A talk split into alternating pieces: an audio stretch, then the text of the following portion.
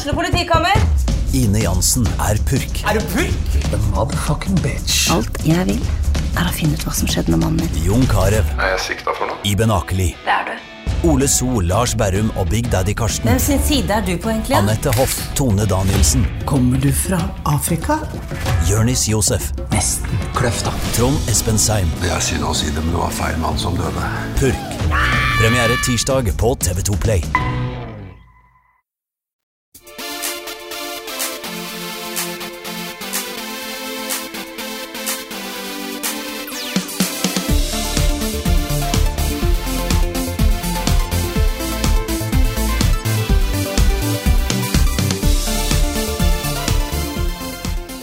Visste at hvis man nyser mens man tisser, så slutter man å tisse? Det er faktisk det er helt sant. Det lærte jeg i dag. Det er utrolig at, at kroppen er så. Ja, det er utrolig at kroppen er så smart at den tenker at liksom, ok, dette her kommer til å bli veldig mye søl. Så vi, vi stopper Mm. hele den prosessen. Det er ganske, ganske utrolig. Det er magisk. Magisk. Kroppen vår, dere. Mm. Velkommen. Ja. Velkommen til Level Backup, en podkast om kropp og spill. Med Rune Fjell Olsen, Lars Håkon Stormbakken og meg, Carl Martin Hoksnes. Ja, skal vi, skal vi begynne på Skal vi bare ta en kjapp, en kjapp intro og gå rett på hva vi har spilt? Bare komme i gang. Ja, hvorfor ikke? Eller forresten, jeg syns ikke vi skal gjøre det, for det har det har jo vært påske. Så vi kan, jo, vi kan jo begynne med å ha det litt hyggelig og prate om hva vi har gjort i påsken. ja. Ja, hvorfor ikke? Skal vi gjøre det? Ja, jeg hørte jo på podkasten deres fra TG. Det var veldig mye penissnakk. Det er liksom Ja. det øyeblikket jeg er borte, så er det bare penis, penis, penis, penis. penis. Jeg tenkte liksom at kanskje det var Bjørn sin skyld. Men det var jo Lars som starta den penispraten, så jeg vet ikke. Jo, men ehm, det var liksom en sånn Jeg, jeg sa én ting, det med å måle penis, og så tok det helt av i at noen andre sa det litt flere ganger enn meg. En fjerde ble til ti peniser. Ja, det kan du trygt si. Ja, for det var litt sånn Først, først kom den, og så kom liksom inn, eh, Bjørn inn og bare eskalerte den tingen. Og så trodde jeg liksom at du skulle komme inn, Carl, og lande det litt, og så få ting til å gå litt videre. Men du bare ja. eskalerte det enda mer, ikke sant? Ja. Og så var jo Frida der og fulgt med på leken, hun også, liksom. Så det var jo ja. Nei, det blir, eh, det blir mye penis. Jeg vet ikke om det er fordi du ikke var med, eller om det bare er fordi vi var på TG og det var eh, stemning. mye, mye penis på TG. Det var jo mye penis på TG. Det var jo 88% penis på TG. Ja. Ikke åt- 98, var det ikke åt- 88? Jo, 88, jeg sa 88, gjør jeg ikke det? Oh, ja, ok, greit. Ja. Det var bare Han sa det. All right, sorry. Ja, nei, men vi, vi var jo på TG. Eh, det kan dere jo høre mer om i den podkasten vi la ut forrige uke. Men uh, har vi gjort noe annet spennende i påsken? Jeg var jo eh, på Geilo og sto på ski. Ja. Ja, På sånn, hvordan går det? Ja, det var kjempe, kjempeålreit. Vi var jo superheldige med vær og, og sånt. Og Det er jo Vår lille familie er jo en byfamilie. Vi er sånne byrotter som uh, foretrekker å uh, henge på Tjuvholmen på kafé foran å gå liksom tur i skogen. Så eh, det var, vi prøvde noe nytt. Det Ja. var ganske vellykka. høres jo veldig familie ut. Ja, veldig familie. Og vi bodde jo på et sånt hotell hvor de hadde badeland og lekeland og buffé og sånne ting, liksom. Så, så det var en eh, eh, behagelig uh, fjelltur. Det var ikke noe sånn gå 20 minutter gjennom snøen for å komme fram til en hytte uten strøm og vann. Nei, for det er min hyttebarndom. Ja, ikke sant? Men var du, var du han pappaen med, med Kvikk Lunsj som stoppa opp mens familien var langt bak, og så med en gang de catcha opp, så gikk du videre? Nei, jeg har ikke det. Nei, OK. For det var, det var pappa. Mm. Men, uh, men ellers så, så var det uh, ja, en, en hyggelig opplevelse, rett og slett. Så Ja. eh, Hadde til- bra vær hele tida? Nei, det begynte å snø den dagen vi skulle dra. Men uh, uh, dattera mi ble jo sjuk, så hun og jeg dro opp et par dager etter kona mi og sønnen min. Um, Riktig. men de hadde hatt bra vær da på både onsdagen og torsdagen. Og så kom vi opp fredag, og da var det strålende sol. Og så var det lørdag, og da ble det strålende sol. Uh, og så dro vi Ja. tilbake på søndag. Da snødde det hele søndagen. Riktig. Så nei, men det var var deilig å gjøre noe litt annet. Ja, for torsdag var det litt sånn snøete og uværdag. eh, Mm. I hvert fall her, så Det var jo da vi var på TGO, for så vidt. Ja, det var skikkelig drittvær, da. Mm, det var det. Stemmer det. Det hørte jeg ikke på podkasten. Nei, Flaks Nei for det, dere. var, det, det var jo veldig hyggelig når vi var der. Mm. Ja. Sol i hjertet. Ja. Ja, Mm. Det er jo um, Å være på TG er eh, kjempekos, bare. Mm. Så der er det jo alltid sol, uansett hvor uh, dårlig vær det er ute. Mm. nettopp. Ja, jeg har ikke vært på noe ferie, da. Annet enn at vi var på TG. Bortsett fra det så har jeg tilbrakt påsken hjemme. Og det har egentlig vært ganske deilig. Jeg bare så for meg alle de som satt i uh, Satt i kø på vei hjem fra påskefjellet. Um, ja. Hadde dere mye kø da dere dro? Vi tok toget, så eh, det gikk bra. ja, det skal jeg ikke nice. gjøre igjen. Også. Vi, på vei tilbake så satt vi jo i eh, familievogna. Og jeg har vel sjelden vært så stolt av mine egne unger. De var jo eksemplariske. Kjempe, kjempekoselig. Ja. Men uh, det er mye drittunger der ute, altså. Riktig. Så, så det var uh, tre og en halv veldig slitsomme timer. Det ble faktisk enda mer også, for det ble litt forsinkelser og sånt. Så Aha. da var jeg ganske tung i hodet. Det må jo Ja. skje at folk driver stikker ut øya på hverandre med de der skistavene og sånn når det er så fullt på toget. Eller var det veldig morbid og usannsynlig? At Man sitter vel ikke med ski og staver Du på Du setter jo fra deg skiene og stavene et annet sted, og så går du og setter deg. ja, men du skal jo inn på toget, skal du ikke det? Jo, Ja, det er sant. jo ja. Ja, jeg bare ser for meg at det er sånn her uh, mordvogn. Mordvogn. Da har jeg ikke tatt så mye toget med ski, det kan hende det er helt feil. Det skal jo være litt sånn påskekrim, da, så det er jo Ja, det er- sant, det. mm. Jeg så jo, eh, var, ikke, var det ikke Dennis fra Preps og Dennis som ble drept i påsken? I påskekrim? påskekrim? det var jo synd, Dette har jeg ikke fått på meg. Han er jo en av var- Norges mest populære youtubere. Det er jo Ja, nettopp. Jeg tror det gikk bra med han. Jeg tror han ble bedre. Å ja, Ja, ok. ok. Ja, det er fint. Så det, det var Godt å høre. sånn, han ble bare sånn påskedrept, så ikke, ikke ordentlig drept. All right. Men ja Um, Nei, vi har jo Vi nevnte jo så vidt i uh, forrige eller forrige der igjen podcast at vi skulle ta det litt med ro i påsken. Uh, det var litt sånn rart å, å skulle ta det litt med ro, fordi vi har jo egentlig ikke hatt en fridag siden nyttår. Sånn helt fridag. Mm. Uh, så det er alltid litt sånn rart når det, når det skjer. Så på mandag, som liksom var den første dagen jeg tenkte at nå skal jeg, nå skal jeg ikke jobbe, så senka jeg skuldrene litt og tenkte liksom Oi, det, dette er egentlig ganske deilig. Og så satt jeg og tenkte litt på hva jeg skulle finne på. Og så endte jeg opp med å skrive et innslag i fire timer.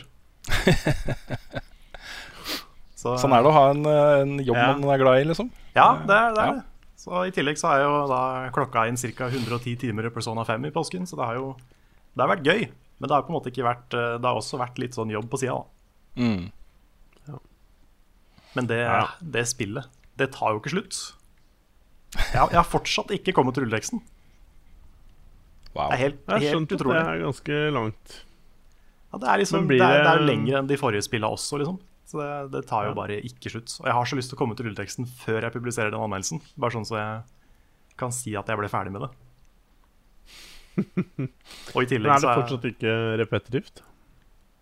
Nei, jeg syns ikke det. Altså, det, er, eh, det er jo ting som gjør at du liksom fortsetter å være hekta. Ja. Ja, Det er mest historien. Måten den fortelles på. Og hvordan du går liksom dag for dag gjennom et skoleår. Og ting skjer. Det blir mer og mer dramatisk, mer og mer spennende. Så jeg syns det liksom Det klarer å holde på deg ganske bra i alle de timene. Og det, det er jeg ganske imponert over. Ja, det Det, det er spesielt. Mm. Men grunnen til at jeg har så lyst til å spille det ferdig, da, det er at eh, Persona 4 hadde et av de kuleste spilløyeblikka jeg vet om, sånn 80 timer ut i spillet. Så jeg må bare Jeg må vite om Persona 5 har et sånn type øyeblikk. Mm. For det, det kan på en måte Det kan ha noe å si da for uh, scoren jeg gir. Jeg, Jeg, støtter deg eh, veldig i uh, behovet for å se rulleteksten. Det blir, det blir alltid en bedre video av det. Ja, jeg også føler det. Også, En bedre vurdering. Og så er jo anmeldelsen nå ferdig spilt inn og klipt, egentlig. Jeg må Mhm. bare oppdatere den med det siste hvis det er noe mer å legge til. Uh, og så skal jeg legge på litt mer sånn personlig preg på det, så jeg skal en tur på standard etterpå. og handle litt. Trenger ikke å si noe De har mer flytta, men, eh, de har flytta nå, Carl. Du vet det? Ja, ja, ja, jeg så det. De har flytta ned Mm. til uh, midt i sentrum.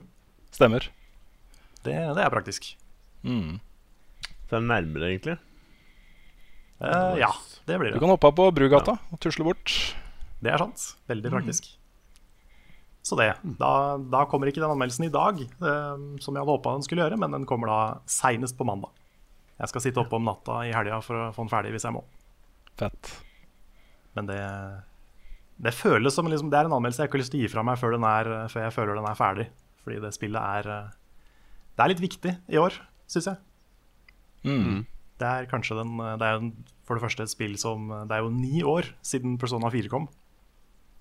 Og når det er såpass svært, og et spill jeg har gleda meg til såpass mange år, uh, og kanskje også et av de beste spillene i år, så, så har jeg lyst til å liksom gjøre, det, gjøre den jobben skikkelig. Da. Selv om det er uh, 120-130 timer investering, så føler jeg det er verdt det. Ja. Good for you og good for us. Ja, Så vi får håpe den blir eh, OK. Mm. Men det er jo eh, svarte jeg også på hva jeg har spilt i det siste, så kan dere ta over. Ja, fortsett du, Rune. Ja, jeg har jo eh, spilt um, Guardians of the Galaxy. Den uh, lasta jeg ned på, på tirsdag og begynte på den. Ja, det sa du på streamen også. Ja, jeg tror ikke det jeg, jeg vet ikke om jeg skal lage noe anmeldelse av det, for det er liksom et episodespill, og, og det skal komme fire kapitler til. Men um, veldig lovende start. Det er uh, det aller, aller viktigste med akkurat den uh, uh, Hva heter det? Franchisen? Ja, IP-en? Et eller annet. Det er jo å naile humoren. Altså naile tonen i Guardians of the Galaxy. Mm. Eh, og det har de virkelig klart, altså, selv om de bruker jo ikke um, uh, filmressursene. altså, de bruker jo ikke Chris, Chris Pratt og den gjengen der. De har Nei. tatt utgangspunkt i, i eh, eh, tegneserien og lagd noe nytt basert på det, med nye stemmer og sånne ting. Ja, har de det? Har de ikke, har de ikke brukt liksom filmcastet, men ikke filmskuespillerne? Ja, det kan tenkes også. Det er de samme rollefigurene, men de ser litt annerledes ut. Og så har de jo andre stemmeskuespillere. Ja, ok. Ja. Så, så da, da, det er mulig at det er en miks, da. Men eh, bare det at ikke det er de samme altså det, ikke, det ser ikke ut som Chris Pratt og de andre. Nei, ok. Eh, det, er, det er helt annet utseende på det. Men Starlord ser ut som Starlord skal gjøre allikevel. Kanskje enda mer litt sånn cocky uh, det Chris Pratt er. Så eh, det passer veldig bra. Også. Det funker eh, kjempefint. Ja, kult. Men det er veldig morsomt. Det er jo akkurat altså Jeg må innrømme at jeg er bitte litt lei av den formelen. Uh, Telltale-formelen. Jeg har liksom spilt så mange spill nå med den. Uh, og den derre uh, He will remember that. Og alle de valgene man må ta, og måten man får progresjonen i spillet på, er jo veldig lik da eh, fra de andre spillene. Eh, men eh, når du bruker også når manuset er såpass godt som det er, og dialogen er såpass bra, og ikke minst også de valgene du kan ta, er såpass unike til denne serien, så, så er det gøy å spille allikevel. Altså. Så det er en sekvens der, Jeg nevnte jo det på streamen også, men det er en sekvens der hvor Rocket driver og sparker på et lik. Eh, og så får du et valg da mellom å enten intervene, liksom, be han om å slutte, eller uh, kick the body. Og så velger du det, da, så står du der og sparker det liket sammen med Rocket. da, sånne ting ler jeg av, liksom. Jeg syns det er kjempemorsomt. Ja, det er, det er gøy. Ja. Mm. Hadde vært kult å se en liten anmeldelse på det. Vi, kunne gjort det sånn som vi gjorde i, eh, i Walking Dead Mission. At vi tok eh, første episode, og så i en veldig sånn liten anmeldelse, og så en litt større anmeldelse av hele pakka. Ja, jeg får se hva jeg får tid til, rett og slett. Fordi det som jeg egentlig bruker mest tid på nå om dagen, er jo eh, Jeg sitter i juryen på Nordic Game Awards. Uh, og det har vært litt funny, fordi eh, i liksom de innledende nominasjonsfasene så har ikke jeg kunnet stemme på norske spill. Uh, og da de finske kan ikke stemme på finske spill osv. Så, uh, så jeg sitter og har lurt veldig på hvordan, uh, hvordan mine nordiske kolleger liker Owlboy. Eh, og så rant jo nominasjonene inn nå i forrige uke, og da eh, er jo Owlboy nominert i fire kategorier, inkludert eh, Game of the Year. Ah, så kult. Ja, det er kjempemorsomt. Og den lista er ganske kul, altså. Jeg gleder meg virkelig til å dra ned til København på torsdag og, neste uke og, og jurere dette her. Fordi i Game of the Year så har du da Battlefield 1, Hitman, Inside, The Division og Owlboy. så det blir interessant å diskutere. Ja, fy fader. Så det er Ja. mye, mye bra spill som kom i fjor. Ja. Sånn, eh, sånn uavhengig av at jeg er norsk, så holder jeg en knapp på Inside og Alboy der, må jeg innrømme. Ja, Inside er jo eh, sannsynligvis min favoritt eh, fra i fjor. Og det var jo liksom et av de aller beste spillene internasjonalt for meg, da. Um, så så jeg, jeg er ganske fan av det spillet. Det skal litt til for å vippe det av tronen for min del. Men uh, det, det her blir jo en diskusjon òg. Liksom. Det er ikke bare meg som er der. Så, Ja, ikke sant. Ja, men det er så det er gøy. Ja, Men uh, Alboy er da nominert også i Best Art, Best Game Design. Som Best Game Design er akkurat de samme spillene som i Game of the Year. Så det syns jeg også er veldig kult. Ja. Uh, og Best Audio. Aha. Så det er moro. ja. Best art syns jeg jo virkelig det fortjener. Mm. Det er kanskje, kanskje det det fortjener mer enn noen av de andre spillene du nevnte. Ja, det er, det, akkurat det der blir en kjempediskusjon, eh, som det var i fjor også. Jeg var jo i juryen der i fjor også, og da hadde vi en diskusjon med uh, uh, Nå husker jeg ikke akkurat hvilke spill det gjaldt, men uh, diskusjonen gikk på dette med um, artistic value, altså det kunstneriske i det, kontra at ting ser veldig realistisk og pent ut. Det er fullt mulig å argumentere for at Battlefield 1 ser amazing ut og har innmari bra art. Uh, og veldig vanskelig å sette det opp mot f.eks. Owlboy. da Eh, Og diskutere de to stilartene mot hverandre. Hva er det som har størst verdi? ikke sant? Så uh, det blir ganske friske diskusjoner av akkurat, akkurat det punktet, tror jeg. Det må bli vanskelig. Føler de er Mm. veldig forskjellige. Ja, det er jo det er som å diskutere spill eple og og- benk. Ja, og så har du, du har hele spekteret her, da. For du har Battlefield 1, ikke sant, som er kjemperealistisk. Uh, du har uh, Gunner, som jo er et annet dritbra spill jeg er veldig glad i. Uh, som har veldig sånn håndtegna uh, pikselgrafikk. Den er veldig, veldig stilisert. Eh, og så har du Inside, som jo ser amazing ut. Um, og så har du Unravel, som blander jo litt sånn realistiske backdrops med uh, urealistiske frontdrops. Er det mulig å si det? Front, ja, front drops. eh, Ja. Vi kan si at det er et ord nå. Og så har du Alboy, da, som er et rendyrka pikselspill. ikke sant? Mm. Så det er eh, fem ganske forskjellige stilretninger. Det er mm, interessant. Det er det. Ja. Ha. True. Ja, Unravel har jo veldig, veldig veldig pen art, for så vidt. Mm. Men eh, det er noe med den derre sy- den hyperdetaljerte pixelarten i Alboy som bare er helt utrolig. Mm. Det, bare det detaljnivået der, det, det har jeg ikke sett i noe annet spill, rett og slett. Nei, Simon er jo en, eh, en kunstner. Det er ikke noe tvil om det. Indeed. Ja. Men det var meg. ja. Ehm, jeg har ikke spilt så veldig mye nevneverdig den siste uka. Um, I hvert fall ikke noe nytt. Det, det har gått i um, Hva heter det? Ghost Recon Wildlands. Det er litt sånn um, det, er ikke, det er ikke bra. så er det sånn Det er sånn at jeg blir litt opphengt i det og uh, spiller det Ja, spiller det likevel. Men er det fordi det er gøy å spille det med venner, eller er det alene? Ja, både, både gøy å spille med venner og uh, aleine. det er så insane svær verden og så mye å gjøre. Um, veldig mye av det er veldig likt, så det blir veldig repetitivt, men samtidig så er det den derre um, Jeg veit ikke hvordan jeg skal forklare det. Det er noe ved det som gjør at det, det er interessant til tider, i hvert fall. Og um. Jeg hadde lyst til å prøve å komme et stykke ut i det spillet. Vi anmeldte det jo aldri, men uh, den historien i det er jo helt Altså, det er uh, Jeg vet ikke hva slags ord jeg skal bruke om det, men det er i hvert fall ikke bra. Um, selv om jeg liker konseptet veldig godt, for det, du skal på en måte Du har et stort, uh, stort kart, og så har du flere områder på dette kartet, og i hvert område så skal du gjøre en del oppdrag for å ta en underboss. Og du må ta flere underbosser for å få muligheten til å ta hovedbossen, eller the boss of bosses, som det heter. Um, og jeg liker veldig godt den måten Altså hvordan det fungerer, da. Men um, ja. Mm. Historien her er veldig sånn Det høres Det ut som en sånn typisk eh, fokusgruppehistorie, syns jeg. Ja, Så det, er, det er bare sånn Spurte folk hva de tror er kult, og så ja, ikke sant. lager vi det. Det er, an- det er antageligvis det. Uh, men det er jo Det handler jo bare om dop. Um,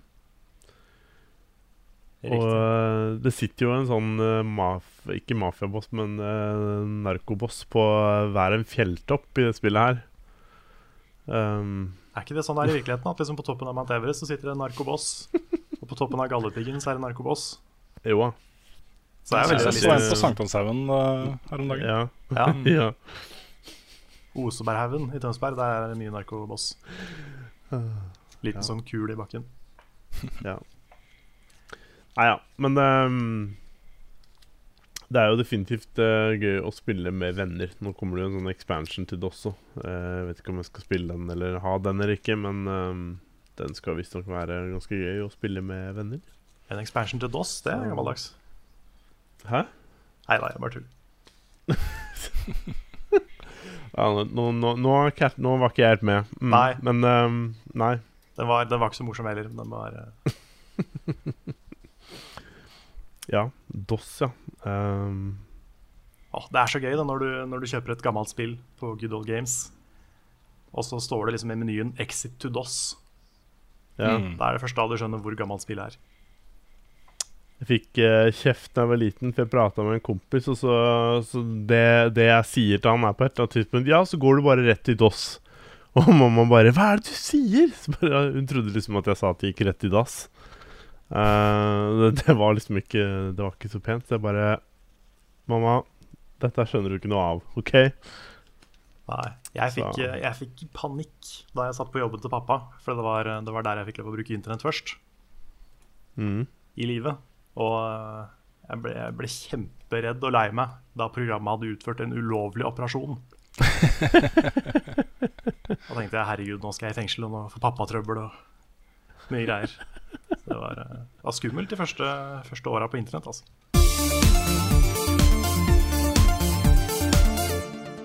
Vi går glatt og elegant over til nyheter. Det gjør vi. Jeg tenkte vi kunne begynne med litt sånn nyheter om oss selv denne gangen. For vi har et par announcements uh, som er litt morsomme. Uh, den ene er jo at um, vi kommer jo til å ha en tilsvarende E3-dekning som vi hadde i fjor. Det betyr at vi samles på samme sted, og så dekker vi alle pressekonferansene live. Så det blir jo nattesendinger. Det var kjempegøy i fjor. Um, og den ene tingen vi tenkte på etter det, var at det hadde vært enda bedre om vi klarte å få en litt proffere produksjon. At uh, vi ikke hadde liksom ett webkamera med alle som var til stede i samme bilde, og sånne ting, men kanskje en uh, flerkameraproduksjon, litt bedre lys, sånne ting. Uh, og det har da uh, kompisen vår Tarjei, uh, som jobber på Blindern, ordna for oss. Vi har booka et studio der oppe som har gigabit internettlinje og lys i taket og miksepulter og trådløse mikker og hele pakka, liksom. Så det blir en ganske proff, uh, sending. Uh, I den grad vi klarer å lage noe sånn proft live, da. det blir sikkert mye tull og tøys og pennelek og sånne ting også. Ja, altså Nå må du ikke insinuere at pennelek ikke er proft. Nei da, er insinuerer det- Det er det proffeste vi gjør. ja. Men uh, åh, jeg gleder meg også. Det blir kjempegøy. Ja, det blir dritgøy. Og så blir det kult å få litt, sånn, eh, litt utvikling fra i fjor. Fordi det var, Mm. eh, Jeg syns det funka dritbra i fjor, men eh, som du sier, så er det alltid fint med litt eh, høyere production value. Ja, jeg syns det også. Fordi det kommer jo til å bli altså, vi, Det kommer jo ikke til å bli glatt. Det, det er jo vi som lager det. Uh, men bare at det ser litt penere ut, at det er kanskje litt bedre lyd og, eh, og sånt. Og ikke minst at vi har en stabilt god internettlinje som alt kan sendes ut fra. Det er jo kjempeviktig. Mm. Så det blir gøy. Den andre announcementen er at det, det er litt progresjon i dette showet vi skal holde på Kilden i Kristiansand uh, i august også. Um, det ser fortsatt ut til at det blir den 18. august, så folk kan jo krysse av for det i kalenderen sin. Um, og um, vi har eh, i uka som har gått, booka uh, litt gjester. Um, vi kommer til å ha en uh, en litt sånn bokbadeinspirert eh, intervjusession på scenen med Dpad og Krillbite, uh, representert av Jon Cato. Uh, så det blir kjempemorsomt å få han med på dette her også. Ja, det blir Og i tillegg så skal han og Magnus kjøre en, en spillquiz i pausen mellom de to programmene. For vi har et dagprogram og et kveldsprogram. Kult. Så det kommer til å bli en kosedag, altså. Kosedag og kosekveld. Kjempe, Mm. Kjempekult. Gleder meg sånn. Mm. Ja, en quiz Ja, for publikum bra. eller for oss? Nei, for publikum.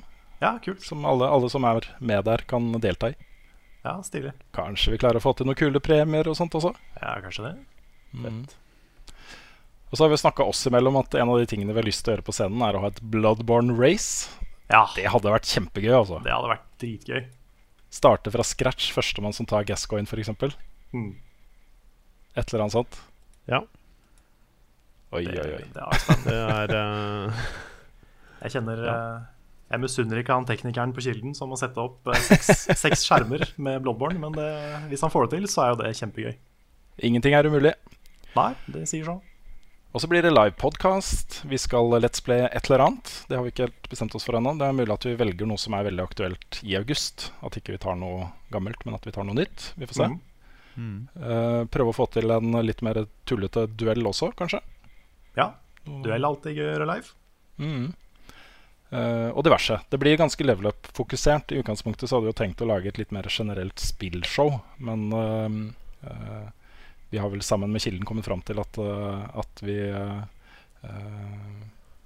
gjør det vi kan best. Og det er å gjøre de tingene vi kan best, rett og slett. mm. Det er rart med det. Ja. Greit. Kryssa for 18.8. Det er siste fredagen før skoleoppstart.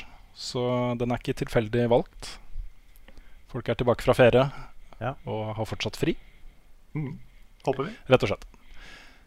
Ellers er det et par store nyhetssaker fra uka som har gått. Den største er nok uh, den offisielle avdukingen av eh, Star Wars Battlefront 2. Har dere sett uh, traileren der? Ja, det har jeg Yes. Det har jeg. Det ser ganske fett ut. Ja da. Det, det, det Ja. Det ser amazing ut. Det er det liten tvil om. Det, altså det Dice får til av grafiske ting og sånn, er helt utrolig. Um, Det er veldig det sånn er de fanservice dyktige på. Veldig sånn fanservice-trailer også. Mm. Med liksom Darth Maul versus Yoda, og Kylo Ren var der, og mye greier. Mm. Så det er jo det er kult. Ja, for nå får du jo da, i motsetning til i uh, Star Wars Battlefront 1, så får du en, eh, en svær uh, singleplayer-campaign. Virker på meg som den er ganske, ganske inspirert av det Battlefield 1 gjorde. At her skal de liksom prøve å lage en uh, skikkelig fet story som eh, foregår i da tidsrommet mellom uh, Return of the Jedi og eh, The Force Awakens. Så det er 30 års gap der som det er mulig å fylle med ting.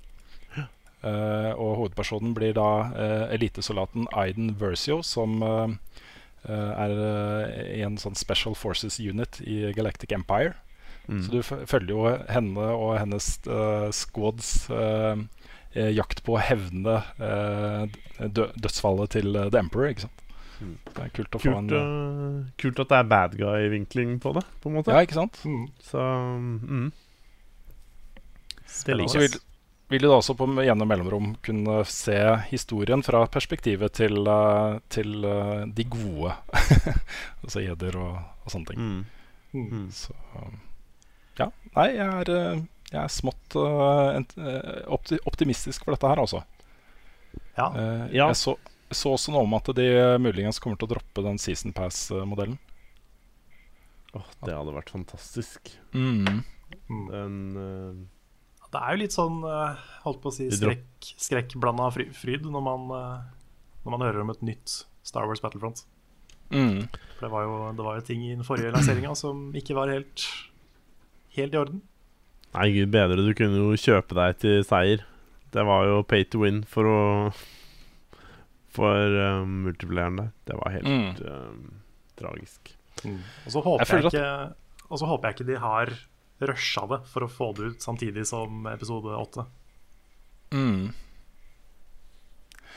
Nei, jeg føler jo i hvert fall uansett at eh, EA har eksperimentert litt på the, the dark side, for å bruke den analogien. uh, de siste årene. Med hvordan, uh, hva slags DLC-modeller de skal ha, og uh, hva slags content de skal slippe til release og spare til seinere, og sånne ting. liksom men så har du da Battlefield 1, som jeg nevnte, som jo alle forventa et multiplayer-spill, og så kom det et eh, dritbra singleplayer-campaign med spillet.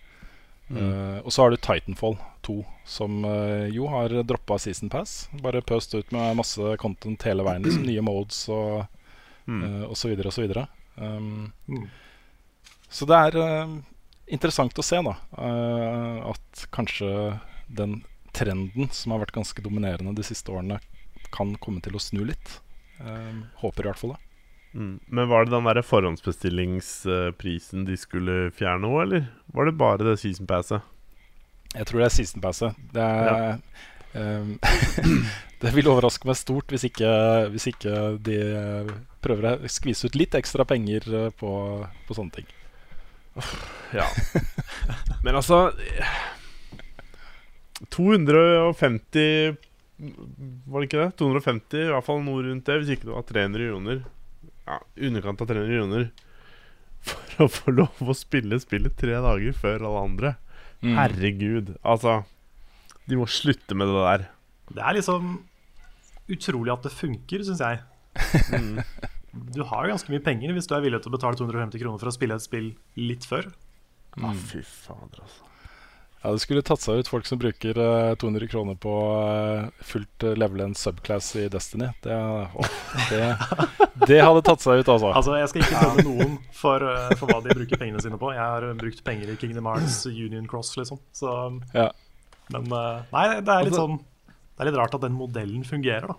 Mm. Se for deg at de hadde solgt kinobilletter tre dager før for, en, for 300 kroner ekstra. ja, ikke sant. Det er ganske, ganske syns ikke det er spesiell krise forretningsmodell. ja. Jeg synes ikke det er krise hva folk bruker pengene sine på. Holdt jeg på å si Det må jo de få lov til å styre sjæl. Men Ja, ja. det at det er en sånn modell som gjør at du kan betale hinsides mye penger for å spille det tre dager før Mm. Jeg, Ja, det, er det at det, det, at det tilbys, at det liksom, Ja. som er rart. Eller rart er det ikke, det er jo penger i det, tydeligvis. Men, eh, men ja, det er mye, mye man prøver seg på. ja, men er det verdt liksom halvparten av eh, summen til hele spillet? Ti altså ekstra? Det, det forstår jeg ikke, men eh, Dette her er jo basert på altså Dette er jo et spill som flere millioner mennesker kommer til å kjøpe, eh, sannsynligvis. Uh, og regnestykket er jo ganske enkelt. Det er, skal jo 10 000 mennesker som betaler 3, 300 kroner. Det er jo 3 millioner kroner ekstra, liksom. Bare ekstra. Som de bare kan få. Mm. Gratis, på en måte. Altså, det er eh, Ja. ren business. Mm. Ja. Og hvis 100 000 30 millioner. Yes! Ikke sant? uh, nå håper jeg ikke tok hoderegninga feil her. Da får jeg sikkert høre det etterpå. Men uh, Da får vi nok en kommentar fra en matematiker. Antageligvis. Det er mye penger, i hvert fall. Um, og så eh, går det jo nå rykter om at eh, Nintendo kommer til å lansere en, en SNES Mini til høsten. Mm. Uh, og det ryktet kom jo ganske umiddelbart etter at de offisielt kansellerte uh, NES Mini. Så den skal de nå ikke produsere mer.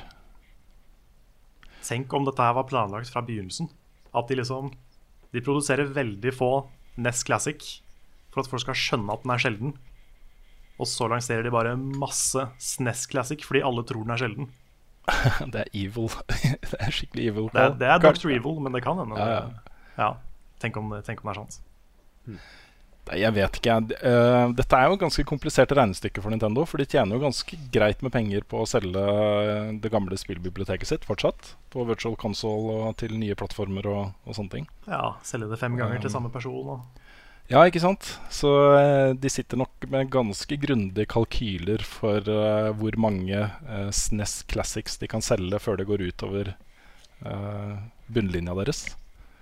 Ikke sant? På et, eh, det er sikkert en, to sånne kurver her. ikke sant? Når de krysser hverandre, så uh, lønner det seg ikke for dem lenger å produsere en SNES Classic. ikke sant? Så, ja. Men jeg har ikke inngående kunnskap om den økonomiske avdelinga til Nintendo, så, så det Nei. vet jeg ikke. Den spesifikt er det vel veldig, veldig få som har kunnskap om. Ja, det er ganske Men eh, de er innmari flinke på det. blant de flinkeste i spillindustrien til å finne ut hvordan de skal tjene penger. Ja. ja Nintendo er en sånn rar sånn wildcard-bedrift, føler jeg. Vet aldri hva, som, hva, hva de kommer til å finne på. Mm. Men eh, jeg må jo, må jo si at SNES Classic er veldig mye mer spennende for min del enn NES Classic. For meg også. Vi, vi har et, eh, et lytterspørsmål om det seinere også, tror jeg. Um, så vi kan jo komme tilbake til det hvis, vi, hvis ikke jeg husker feil. Ja. Men uh, ja. Bare en kjapp siste Unnskyld. En kjapp siste nye sak. Det kommer også en ny mode til GTA 5. Uh, som er en sånn top down racing mode. Uh, Tiny Racers heter den. Og den uh, ligner jo veldig på Micro Machines, selvfølgelig. Den ser kjempegøy ut. Ja, jeg så, jeg så noen klipp okay. av den. Så veldig Så er- ut som GTA 1 og 2. Altså. Ja da, så er, Du har liksom GTA 1 og 2 eh, blanda da med Micro Machine, som er jo en klassisk sånn top down eh, lekebils-racing-spill. Um, men det som imponerer meg mest her, er hvordan de klarer å holde GTA 5, også GTA Online, da, i, i live så lenge etterpå. At de fortsatt klarer å selge det spillet til full pris, og at det fortsatt topper salgslister over hele verden og sånne ting, er ganske, ganske crazy. Mm. Ja, det er, det er GTA og Fifa.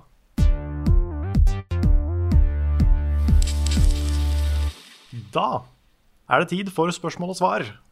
Og aller først i dag så må vi holde et løfte, som vi gjorde på stream på onsdag. Da bare setter vi i gang. Vi har fått et spørsmål fra Tuba-Lars. Siden dere sa på streamen i går at dere skulle kjøre en tuba-jingle slash lyd om jeg stilte et spørsmål til podcasten, så må jeg jo nesten det. Spørsmålet går til de av dere. Den var ikke så lang, den tuba-jinglen. Jeg tar den en gang til. Spørs eh, skal vi se, hvor var vi? Jo, spørsmålet går til de av dere som har spilt Breath of the Wild. Det forandra jo ganske mye av formelen til Selda. Hva savnet dere mest fra de tidligere spillene? En fin liksom, slutt på, Ja. på. Bare fun fact, eh, jeg har jo nevnt det før, men eh, jeg spilte jo tuba i skolekorps. Ja. Stemmer det? Gikk rundt uh, lille skrotten min og bar på den gigantiske tubaen. Så De er svære, altså. ja. Må de være så svære? Kan man lage en mindre tuba? Nei, det er, det er litt av poenget. Du må få den der store bom-bom-lyden. ikke sant? Ja. Det er Da ikke liksom, blir vi, har ikke, det- vi har ikke the technology til å gjøre det mindre. Da blir det bar bariton. Er en Ja, det gjør det tuba. faktisk. Mm. Mm. Ja. Musikk. Um, jeg kan kanskje svare på spørsmålet først. For jeg, jeg spiller jo litt Selda sånn innimellom sammen med ungene. Mm. Um, og det er, jeg, det blir ganske forvirra av det, altså. Hvor man skal gå, og hva man skal gjøre, og hva man skal bruke tid på og ikke bruke tid på, og sånne ting. Um, så jeg, for min del så savner jeg en litt strammere progresjon. Jeg okay. gjør det, altså. Det, okay. det betyr ikke Altså, jeg har, spilt, jeg har ikke spilt det nok til å på en måte dykke ordentlig ned i verden, så jeg antar at den følelsen går over. At uh, den blir erstatta av en sånn glede av å utforske og finne ut av ting på egen hånd. og sånne ting Men akkurat nå, i det stadiet jeg er i, sånn helt i starten, så, så savner jeg litt det. Jeg føler ikke noe sånn sterkt behov for å, for å eh, grave meg ned i spillet. Nei, OK. Nei, for uh, Nei, for meg så, så var det ikke sånn. Jeg, jeg syns den friheten var uh, kjempedeilig. Men, mm. men ja, det er, nok, det er nok litt det at du må spille det lenge og ha litt sånne intense gaming sessions for å få mest mulig ut av det. Men, Ja, jeg, t jeg tror det. men ja, nei, jeg, jeg tror hvis jeg skulle pekt på noe, så måtte det vært en litt lengre historie. Del. At uh, selv om det, det kan gjerne være sånn åpent som det, som det var, men uh, at historien er litt, litt større, da. Mm. Rett og slett flere cutscenes og mer, uh, mer innhold der. Ellers så kanskje litt lengre dungeons. Selv om jeg, jeg likte ganske godt de dungeonsa som var i, i spillet. Så hvis de var litt lengre, så hadde det vært kult. Så må det jo være innmari vanskelig å argumentere for at et spill skulle være bedre når man har gitt det ti av ti. Ja, det er noe med det. Det er, uh, Ikke sant? Jeg syns jo det var helt amazing. Så, Mm. Men ja, det var sånn hvis jeg skulle peke på noe, så hadde det vært det. Nei, jeg, har liksom, eh, jeg er fryktelig glad i Zelda-serien. Og en av de tingene som jeg har likt best med serien, det er jo på en måte være på et punkt i historien med noe viktig. Altså en viktig item eller en eh, viktig eh, et eller annet. Uh, og så få den itemen. Og så er det på en måte en item du får eh, som blir inkorporert i puzzles og, og sånt seinere. Og de eh, eh, Shrinesa funker jo sånn i Breath of the Wild. At du får en egenskap der som du kan bruke, eller ikke bruke, seinere hvis du vil. Men eh, veldig mye av det er jo lagt opp til at du skal kunne eksperimentere med de egenskapene du, eh, du vinner da, i de, de Shrinesa. Jeg, jeg, sy jeg syns den der følelsen at det var så fokusert i de gamle spillene, eh, det, det er noe jeg har vært veldig glad i. Så jeg bare liksom håper at jeg kan få den samme følelsen ut av, uh, ut av Breath of the Wild. uh, ved å liksom velge å bruke disse tingene på egen hånd. Jeg tror eh, Jeg har en følelse at hvis du liksom går litt dypere ned i det, så vil du få en Kanskje ikke nøyaktig den følelsen, men noe av det samme. da Mm. Fordi når du, den der følelsen av å liksom finne et nytt sted og basically erobre det stedet, da Ja. og skjønne liksom det, jeg trenger dette her for det, jeg må ha den så ikke det skjer, og litt sånne ting, Mm. det, det er ganske givende. Og så føler du at du føler deg så mye smartere i det enn du gjør i de andre spillene. Mm. Ja, for det er jo fortsatt, selv om, eh, selv om eh, veldig mye av det du plukker opp, blir ødelagt, og du må discarde det og finne nye ting, og sånne ting, så er det vel en del ting du får beholde, av liksom klær og noen våpen og Ja, det er, eh, våpen blir stort sett ødelagt. Det er et Mm. par unntak, bare. Men, eh, Ja. men når du kommer til liksom gear og de runesa som du får helt i starten, de, de er jo konstante. De har du alltid. mm. Og de kan du bruke til utrolig mye forskjellige greier. Det er også det som er litt kult. Det at liksom spillet lar deg gjøre alle de tinga som du tenker at det kan jeg sikkert ikke gjøre. Mm. Det syns jeg er dritkult. Det er sånn ganske morsomt å se hva folk eksperimenterer seg fram til det spillet på YouTube. Sånn Flyvende contraptions og Ja, for det er noe av det kuleste jeg har sett. De som har laga et sånn luftskip mm. av en flåte, eller hva det var for noe. Ja. Det er dritstilig, bare, bare fordi den der eh, ene ballongtingen har en sånn der eh, levitate-effekt. da Mm. Så har de bare bygd ting i det spillet. Ja, folk som flyr på store steiner og Ja, ja. alt mulig rart. Det er kjempegøy. ja det er en lekeplass, de tinga der. Altså. Mm. Så det er, eh, det er drit, dritkult. Ja, skal vi, skal vi hoppe videre? Ja, jeg kan ta et spørsmål her fra Johan Martin Seland. Um, det er til meg, men uh, pitch gjerne inn, uh, folkens. På en skala fra 1 til 10, hvor 1 er Bob og 10 er svart kaffe, hvor mye gleder du deg til sesong 3 av Twin Peaks?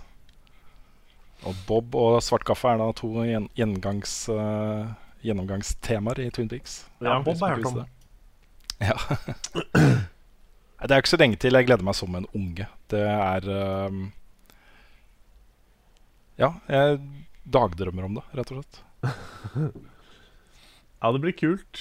Jeg er veldig spent på hva Hva de får ut av det, egentlig. Mm. Men øhm, takk Gud for at han uh, David Lynch ble med igjen, liksom. At han uh, han trakk seg vel, og så ble han overtalt tilbake igjen, og så mm. Ja, det var en sånn klassisk uh, forhandlingstaktikk. Jeg Ja. husker ikke om det var penger eller om det var kreativ frihet, men uh, det var en av de to tingene. Ja. det, altså det, som, det som er veldig spennende her, er jo Fordi Twin Peaks er jo egentlig to forskjellige TV-serier. Du har den ene uh, som slutta på episode 18, uh, med det første mordmysteriet. Hvem har drept Laura Palmer? Palmer? Mm. Uh, og så har det en litt sånn såpeopera-fortsettelse eh, etterpå, som er eh, mer tøysete, ikke fullt så eh, dyster. Um, og ikke fullt så bra, rett og slett. Så, så det jeg håper nå, er jo at de går inn i det eh, med sånn genuin interesse av å, å um, følge opp de første 18 episodene, eh, egentlig. Mm. At det blir en skikkelig fet story uh, i dette her. Mm. Men sesong to var vel, uh, om ikke alt var det, så var det i hvert fall en del av det uten David Lynch. Stemmer ikke det? Jo, det Jeg stemmer. tror det er derfor den er så dårlig holdt jeg på å si, i forhold til det første. da Ja, så Fram til episode 18 hadde jo en veldig veldig fokusert story arc. Selv om den var kjemperar og hadde masse eh, digresjoner, og sånne ting, så var det jo én ting de skulle finne ut av. Det var jo hvem var det som drepte Laura, Laura Palmer, Palmer. ikke sant? Og hva er det som egentlig foregår her? Um, og med en veldig kul sånn twist på slutten også. når det fortsetter, så er det egentlig bare en sånn utforsking av Twin Peaks som sted, og de folkene som er der, og de små historiene som er dem imellom. Og da, da blir det noe annet. Jeg tror ikke det var en del av planen å lage eh, mer etter episode 18. Jeg tror det var liksom meningen at det skulle slutte der. da Så eh, ja, det er fortsatt bra. Det er mye bra, bl.a. Uh, introduksjonen av Heather Graham. som jeg husker var skikkelig sånn uh, avstandsforelska i da Twin Peaks gikk. Men eh, ja. Ja. En liten digresjon der også er at eh, jeg har begynt å se Fargo sesong 2 nå, som jeg ikke har fått sett ennå. Og det er han samme fyren som har lagd eh, Legion, som har lagd eh, den sesongen. Oh, ja. Um, og det er så kult å se det, fordi det er jo mange av de skuespillerne som er med i Legion, er jo med i Fargo sesong 2. Uh, å se det i en helt annen setting med samme regissør, litt, litt samme formspråket og fortellerteknikk og sånne ting, men med helt andre roller, da. Det var kjempekult. Og Det er da også spørsmål fra Mats Smegård, så da ble det plutselig ikke en digresjon likevel. Ser dere på Fargo? I så fall, hva syns dere? Ja, herregud. Det er jo dritbra. Det er bra, altså. Mm. Jeg har ikke sett det nå, men jeg skjønner at jeg burde det. Ja, det er uh, Det er uh, oppe der blant uh, liksom topp fem serier. Ja, det er såpass bra, altså. Jeg er helt enig. Mm. Og den derre um, De har jo bare tatt utgangspunkt i uh, originalideen, uh, som jo var et sånn tøysete prosjekt fra Cohen-brødrene. Mm. Hvor uh, de skulle late som det var en sann historie. Uh, og så er det jo ikke det, selvfølgelig. Men eh, utgangspunktet er jo at helt vanlige mennesker havner i forferdelige situasjoner, og så eskalerer det. Det er litt sånn eh, eh, Alt som kan gå galt, går galt for disse folkene, og de roter seg dypere og dypere ned i et sånt mønster som fucker opp livene deres fullstendig. Da. Mm. Går inn i det med beste intensjoner, og så er da veien til helvete brolagt med de beste intensjoner. Sånn, Det er på en måte konseptet. Ja. Introdesting. Nå er vel Mhm. sesong tre begynt. Uh, den har jeg ikke begynt å se på, men øhm, Nei, Det var derfor jeg begynte å se opp sesong to. For den har jeg rett og slett øh, Den ble tatt ned fra HBO Nordic. Uh, men så kom den tilbake igjen nå, i, i forbindelse med sesong tre. Så jeg rakk ikke å se den der før de hadde tatt den bort.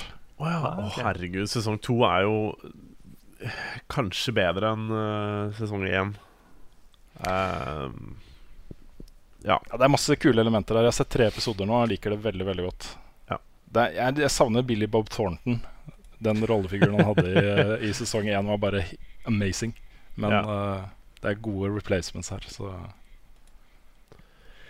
Altså, jeg skal ikke si så mye, men eh, når man kommer liksom til slutten der, så blir det litt sånn der eh, Får man litt sånn overraskende eh, vendinger. Og hun eh, Hva heter hun dama? Hun blonde. Som var ganske kjent skuespiller der. Så, Kirsten Dunst, er det hun? Ja, det stemmer. Kirsten Ja. Dunst. Ja. Mm. Hun eh, overrasker meg stort, altså, hvor, bra- hvor bra hun spiller. Mm. Det blir bare bedre og bedre, liksom. Jeg syns det er litt morsomt å se han som spiller uh, ektemannen hennes i serien. Han, øh, han har forandra seg litt. Ja, han, han eh, feite Matt Damon. Ja, Det tok meg litt tid før jeg kjente igjen han. altså Ja, han blir jo kalt for uh, fa Fat Matt Damon. For det er han samme fyren som var med i eh, Breaking Bad. Og, Ja, Ja. det stemmer. Han har lagt på seg bare lite grann. Jeg lurer på om han har gjort det for Um, rollen, Ja, for det er veldig kult. han har det. Um, Det er stilig, altså. Det er, så, det er skuespillerdedikasjon, føler jeg. Det å tjukke seg opp for en rolle. Ja, ikke sant? ja, eller uh, andre veien òg. Ja, det er kanskje vanskelig. Mm. Hva heter det for noe? Sulte seg til sånne Hva, heter han uh, All right, all right, all right. Mm, Ja, hva heter han? Matthew McConaughey. Selvfølgelig.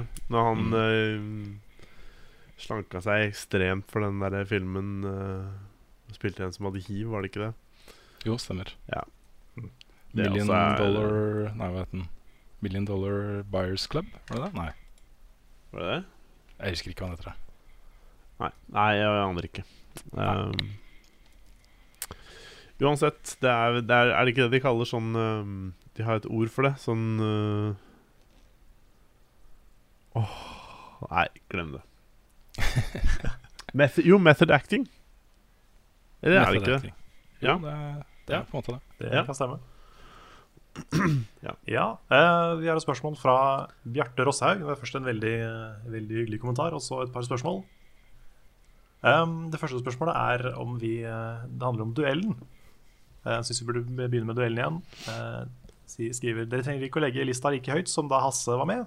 Underholdningsverdien kan bli like stor om bare Rune og Carl eller noen av dere andre setter dere ned i sofaen og tar en kjapp duell. Dere kan jo ha et poengsystem over, over et større tidsrom, som til slutt fører til en pinlig straff, som f.eks. en sta- statistrolle i Skam. Eller er det pinlig, i parentes? Jeg, jeg hadde lett stilt opp på Skam. Altså. Ja, herregud. Det hadde Ja. vært gøy. Hadde vært stas, det. Kan, jeg, kan jeg si til alle de kule kidsa at eh, jeg har vært med på Skam? Eh, Vi hadde jo en eh, liten return of the duell eh, i ettårsjubileet vårt. Det hadde vi. Og Det det, var er kjempemorsomt. alltid gøy å ha duell. Ja, ja, ja, det er noe av det morsomste vi gjør. Mm. Så Nei, det handler vel mest om tid og Ja, og så, at og så er det jo aller mest gøy, syns jeg, når vi samler alle sammen. Mm, Og det, det er ikke så ofte vi har mulighet til det, i og med at eh, Frida er langt unna, og Svendsen er i Hønefoss og diverse. mm. Men eh, absolutt, det er noe av det, noe av det morsomste vi lager sjøl. Vi kan jo legge inn det kanskje som sånn pauseunderholdning på livestreamen fra etter det. Ja, kanskje. Hvis vi orker. Hvis vi orker. Ja. Litt avhengig av hvor mange timer vi har streama. Ja, Det blir morsomt det å spille skikkelig intense multiplayer-spill klokka fem på morgenen. Ja, ikke sant? ja, men da, ja, kanskje, da har kanskje jeg en fordel. Ja, det vil jeg tro. En uh, konkurransefordel. Det er nesten juks. Mm. mm. Men, uh, men ja, vi kan, vi kan tenke på det. Men absolutt, det er, uh, det er ikke lysta det står på når det kommer til duell. Jeg er bare litt Nope. Ja, jeg er usikker på straff. Altså, jeg syns straff er så skummelt. Jeg er, jeg er litt, litt mer fan av premie, kjenner jeg. Vi har hatt så kjipe straffer òg. Vi har det. Vi har liksom lagt lista altfor høyt. Ja, vi har det. Vi kan liksom ikke overgå standup og løgndetektor. Nei, det er noe av det verste jeg har vært med på. Ja. Men det er noe med det. Det er liksom sammenlignbart med å spille skrekkspill eller et eller annet. Du føler jo du har liksom mestra noe eller overvunnet noe uh, jævlig uh, etter å ha fullført en sånn straff. Vokst som menneske, kanskje. Jeg vet ikke. Et eller annet. ja. Jeg syns den her løgndetektoren um, så ekstremt uh, artig ut. da Jeg vil gjerne ha Ha prøvd det. Sitte i den. Så mm. Tape med vilje, da. Ja, jeg hadde, jeg hadde sittet i den. Ja. Vi kunne, tatt, vi kunne tatt en return of the løgndetektor. Mm. Ja. Det, det hadde gått an. Jeg har ikke lyst til å sitte i den stolen igjen, altså. Nei, jeg har, ikke, jeg har ikke lyst til å sitte inn for første gang, kjenner jeg. Ah, Fytti. Er det så skummelt? Nei, altså jeg, jeg tror liksom ikke jeg har så mange hemmeligheter. Det er ikke det. Det er bare det, er bare det at uh, folk er veldig gode til å finne på veldig flaue spørsmål.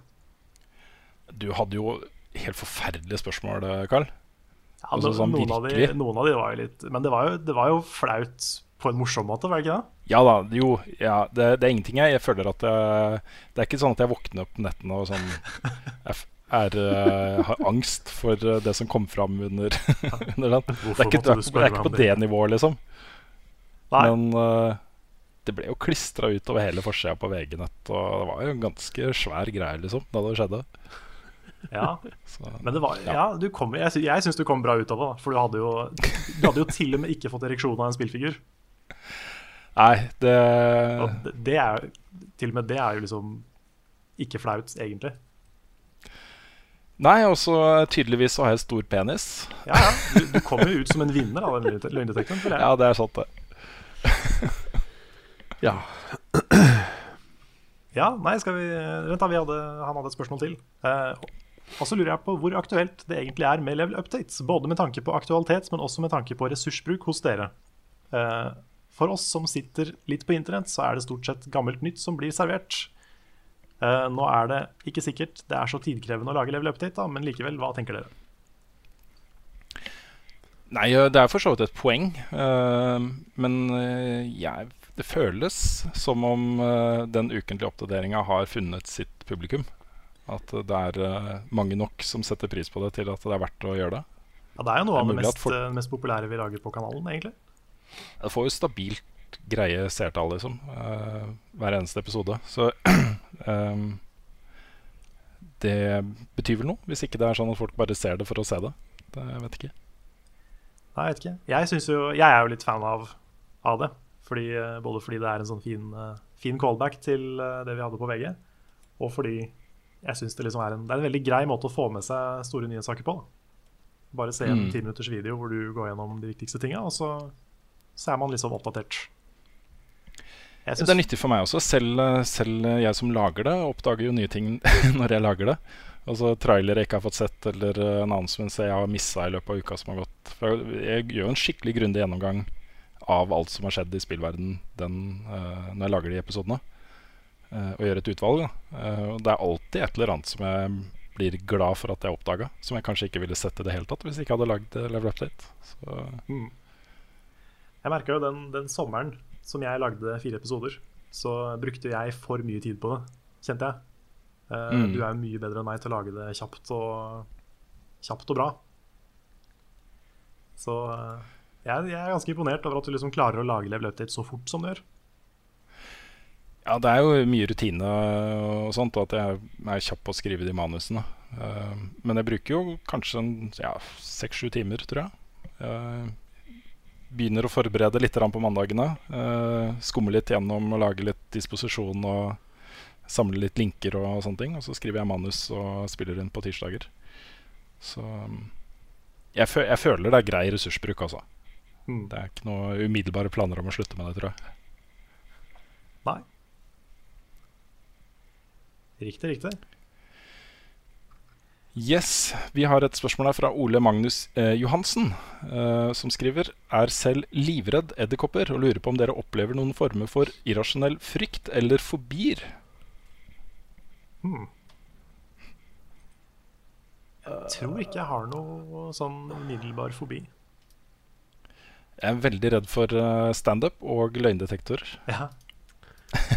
Jeg har høydeskrekk, men jeg vet ikke hvor irrasjonelt det er. Fordi jeg føler en reell eh, fare, holdt jeg på å si, ved å liksom Ja, falle ned og daue, rett og slett. Så Ja. Jeg vet ikke om det telles som en fobi, men jeg har en litt sånn greie med reising. Hvor jeg liksom Hvis jeg vet at jeg skal på en lang tur, uh, som ikke jeg gleder meg veldig til, så er det en sånn ting som jeg går og liksom bekymrer meg over i kanskje en uke før. Mm. Og så blir jeg liksom stressa og bare fokuserer altfor mye på det. Og så går det liksom ikke over før jeg er hjemme igjen. det, er, eh, det er ikke alltid så, så praktisk. Men det, den har jeg litt. Det er ikke så ille som jeg får det til å høres ut nå, men det er, eh, det er noe der Mm. som jeg ikke har helt kontroll på. Mm. Jeg deler den eh, frykten til Ole Magnus på edderkopper også. Jeg syns det er noe av det verste jeg vet. Ja, Det er sånn åh, jeg syns først og fremst de er ekle. Det er ikke sånn at jeg blir redd Mm. for dem, men jeg synes de er, de er liksom, jeg vil ikke ha de der.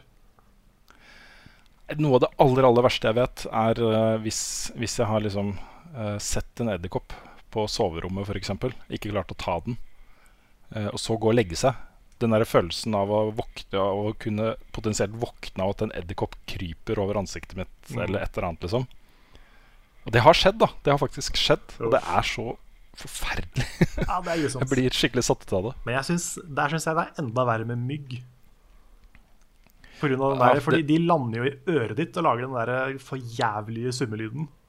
Mm. Og suger blodet av deg. Liksom. Jeg, det hater jeg. Det er få ting jeg hater så mye som mygg. Men Det er veldig irriterende. Der. Ja, Den high-pitch drittlyden. Og liksom, du, du våkner av den, og du veit at det kommer til å klø som et helvete dagen etter. Mm. Det, ja. Det er drit. for at du skal klø mindre, så skal du jo la myggen gjøre seg ferdig. Ja, det Er ikke det sånn der kjerringråd? Sikkert. Jeg vet ikke om Men jeg altså tror på det liksom at du ikke skal avbryte at den stikker, liksom. Du skal liksom la den Ja. Hmm. Jeg er for sta for å gjøre det. Jeg har ikke lyst til at eh, myggen skal slippe unna. Viktigere å drepe myggen. Viktigere å få hevn, Ja. Rett og slett. Ellers så har jeg, Det er jo ikke noe irrasjonelt over det, og det er sikkert noe mange kjenner seg, kjenner seg igjen i. Men jeg har jo litt, alltid hatt litt sånn sosial angst. Det å være i forsamlinger med mennesker jeg ikke kjenner og sånne ting. Noen ganger også med folk jeg kjenner, hvis det er veldig mange av dem. Litt sånn uh, Kan føle litt ubehag med det. Jeg trodde ikke du var der. Jo, jeg er ganske flink til å overkomme akkurat den angsten. Da. Men uh, mm. det er liksom sånn, en av de tingene som jeg syns er ganske kjipt, er jo å være rett og slett på Karl Johans gate eller andre steder hvor det er veldig mye mennesker. Det, sånn, det, det blir jeg litt sånn Ja, det blir jeg ganske stressa av. Altså. Ja. Jeg er sånn med, Hvis det er et sted hvor det er mye mennesker, og det er meninga at jeg skal være sosial, da får jeg den. Mm. Sånn eh, Hvis det er f.eks. et eller annet jobbrelatert, da, eller hvis vi skal ut på en gathering med folk som jeg ikke kjenner, men som jeg burde prate med for å liksom bli kjent, da, da sliter jeg. Det er kjempevanskelig. Mm. Mm. Ja. ja. Har vi noe mer å legge til, eller skal vi hoppe videre? Vi kan godt uh, hoppe videre. Da kan vi ta et spørsmål fra vår, eh, vår venn og tidligere eh, podkast-gjest Truls Nordby. Det er Trune. Jeg som ikke har skill eller tålmodighet til å spille spill som Bloodborne, kan det sammenlignes å fullføre et sånt spill som det var å fullføre Joe Abercrombies First Law-bøkene, med tanke på hvor kult universet er, og den mørke humoren osv.? For det første, utrolig kult at han har lest eh, Abercrombie. Det er jo en uh, forfatter jeg har anbefalt til alle som har giddet å høre på i mange år. Den First Law-trilogien var den første han skrev, og den er så insane bra. Så da gjentar jeg det rådet. ellers så vil jeg ikke sammenligne Bloodborne med First Law. De har ikke så mye til felles, sånn sett. Men det de har til felles, er at det er utrolig bra håndverk innenfor hvert sitt felt, kanskje. Mm. First Lost-serien er liksom noe av det beste jeg har lest noen gang. Og Bloodborne er noe av det beste jeg har spilt. Ja, Han sier jo at uh, det var med tanke på hvor kult universet er, og den mørke humoren osv. Så, videre. så det var jo Ja da. var vel ikke nødvendigvis uh, at det var likt. Nei. Uh, jeg syns det var lettere å komme meg gjennom First Law-trilogien enn det var å komme meg gjennom Bloodborne for å starte med det. Det er, uh, krever mye mer av meg å spille Bloodborne enn å lese en uh, rivende, underholdende bok. Um, men uh, jeg holder de omtrent like høyt sånn, som helhetsopplevelse, liksom. Så er jeg omtrent like glad i begge deler. Så hvis du ikke tror at du har tålmodighet eller skill nok til å prøve deg på Bloodborne, så vil jeg egentlig anmode både deg og andre om å gjøre et forsøk. Jeg var jo akkurat der sjøl. Jeg trodde jo ikke jeg hadde verken tålmodighet eller ferdigheter nok til å fullføre Bloodborne. Nå har jeg gjort det fire ganger snart. ja, det er eh, Jeg står fast på det at det handler mer om tålmodighet og innstilling enn det handler om liksom rå gamerskill. Mm. Ikke at du ikke har det, Rune, men jeg tror det er eh, Jeg tror det er vel så mye det, da. Den, den, tingen som gjør at folk skremmes litt vekk fra det, er det at de tror de må være så sykt gode i spill. Ja, og det som jeg tror det som, uh, som endra den oppfatninga for meg, er egentlig det at OK, ja, du må bli god til noe, men du trenger ikke, bli, du trenger ikke å bli god i så mange ting. Altså Det er ikke en, et hav av funksjoner og moves og angrep og defenses og sånt du må lære deg. Det er en par-tre ting du må lære deg for å komme deg gjennom. Um, og det klarer du. Mm. Det, er ikke noe, det er ikke noe hokus pokus. Det er bare å fokusere på det. Så, så får du det til, liksom. Ja, det er sant. Ja, for det, det, er så mange moderne spill som er bare fullstappa med funksjoner. Mm. Uh, med forskjellige knapper, og liksom hver eneste knapp skal brukes til noe. Og kanskje det gjerne brukes til to-tre forskjellige ting. Mm. Uh, og sånne spill er det veldig vanskelig å bli god i. Også fordi det er veldig veldig inconsistent hva som skjer. Liksom hvordan fiender oppfører seg, og hva, hvordan spillet prøver å imponere deg med et eller annet kult. Nettopp. Mens uh, i Bloodborne så er det veldig rett på sak. Og du har, ja, altså du... du har liksom fire, du har fire moves, basically, om forskjellige måter å gjøre dem på. Forskjellige våpen. Lærer deg et våpen, så er du i gang.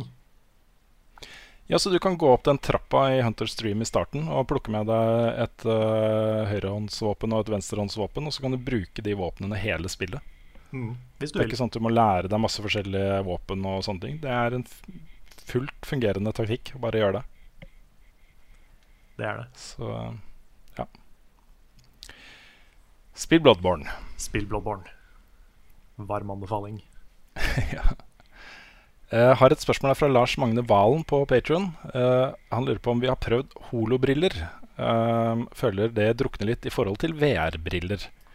Og Det eneste jeg har prøvd der, er jo eh, Microsofts eh, HoloLens. Har du prøvd det? Jeg har testa det på Etere da de annonsa det. Eller om det var året etter, husker jeg ikke. Ah, okay. Jeg er ikke sånn superimponert. Jeg klarer liksom ikke helt å, å se eh, bruksområdet til en så stor og clunky eh, ting som det der. Men i det øyeblikket det blir eh, Det gjelder jo for så vidt VR også. eh, at det blir eh, mer behagelig å ha på seg disse headsetene. Så, eh, så kan det bli innmari kult. Ja. Jeg føler både, både AR og VR er liksom på det punktet nå der mobiltelefoner var da de var kofferter.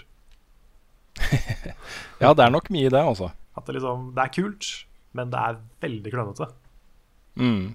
Og det er, eh, det er en terskel altså, for at folk skal gidde å bruke det. Og Mm. i hvert fall gidde å kjøpe det. På et eller annet punkt vet du, så kommer vi til å kunne gå inn på en klinikk, eh, bestille time på en mandag, eh, stikke inn på en onsdag, og så sette inn nye øyne, f.eks. Ja.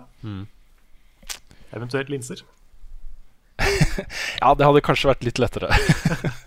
men, men, eh, men sånne ting kommer til å skje, liksom. Ja. Altså, det kommer til å bli eh, sømløst. Da. Mm. Det, mm, da blir det en annen eh, ballgame. Ja, men en sånn uh, hololinse uh, uh, som på en måte um, Si at du tar på deg et par briller, og så kan du få tilgang til menyer og ting og tang i dagliglivet via de brillene. Eventuelt at det er linser istedenfor briller. Mm. Um, mye um, bra man kan, uh, kan gjøre der. Absolutt. Det som, det som jo var problemet med HoloLensen til Microsoft, var jo at den hadde et veldig begrensa synsfelt. Så du så den der firkanten som uh, du kunne se hologrammer i. da uh, Utenfor der så var det svart, liksom. Uh, det ble ganske ubehagelig eh, å bruke det over tid. Eh, men hvis det er liksom helt sømløst, og du kan eh, ta fram hånda di og bla i menyer i løse lufta, liksom. Sanne ting er jo dødskult. Mm. Ja. Eller eh, det var det Jon Cato som snakka om dette her en gang, det der med linser. At du liksom Du hadde linser på deg, og så så du eh, Ser du ut på toglinja, og så ser du liksom Kommer det opp en sånn i løse lufta når neste tog eller trikk eller sånne ting kommer. Mm. Så Mm. Det er Ja. veldig potensial i det. mm.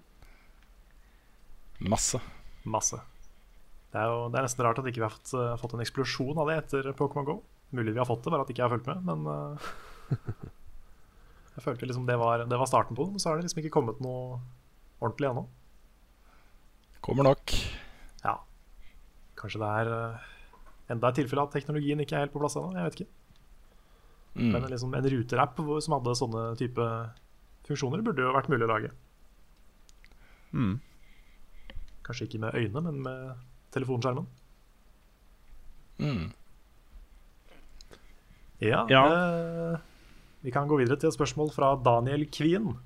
Eh, han har to spørsmål. Eh, han sier Hei, ser dere for dere å begynne med å skrive artikler slash spillanmeldelser en gang?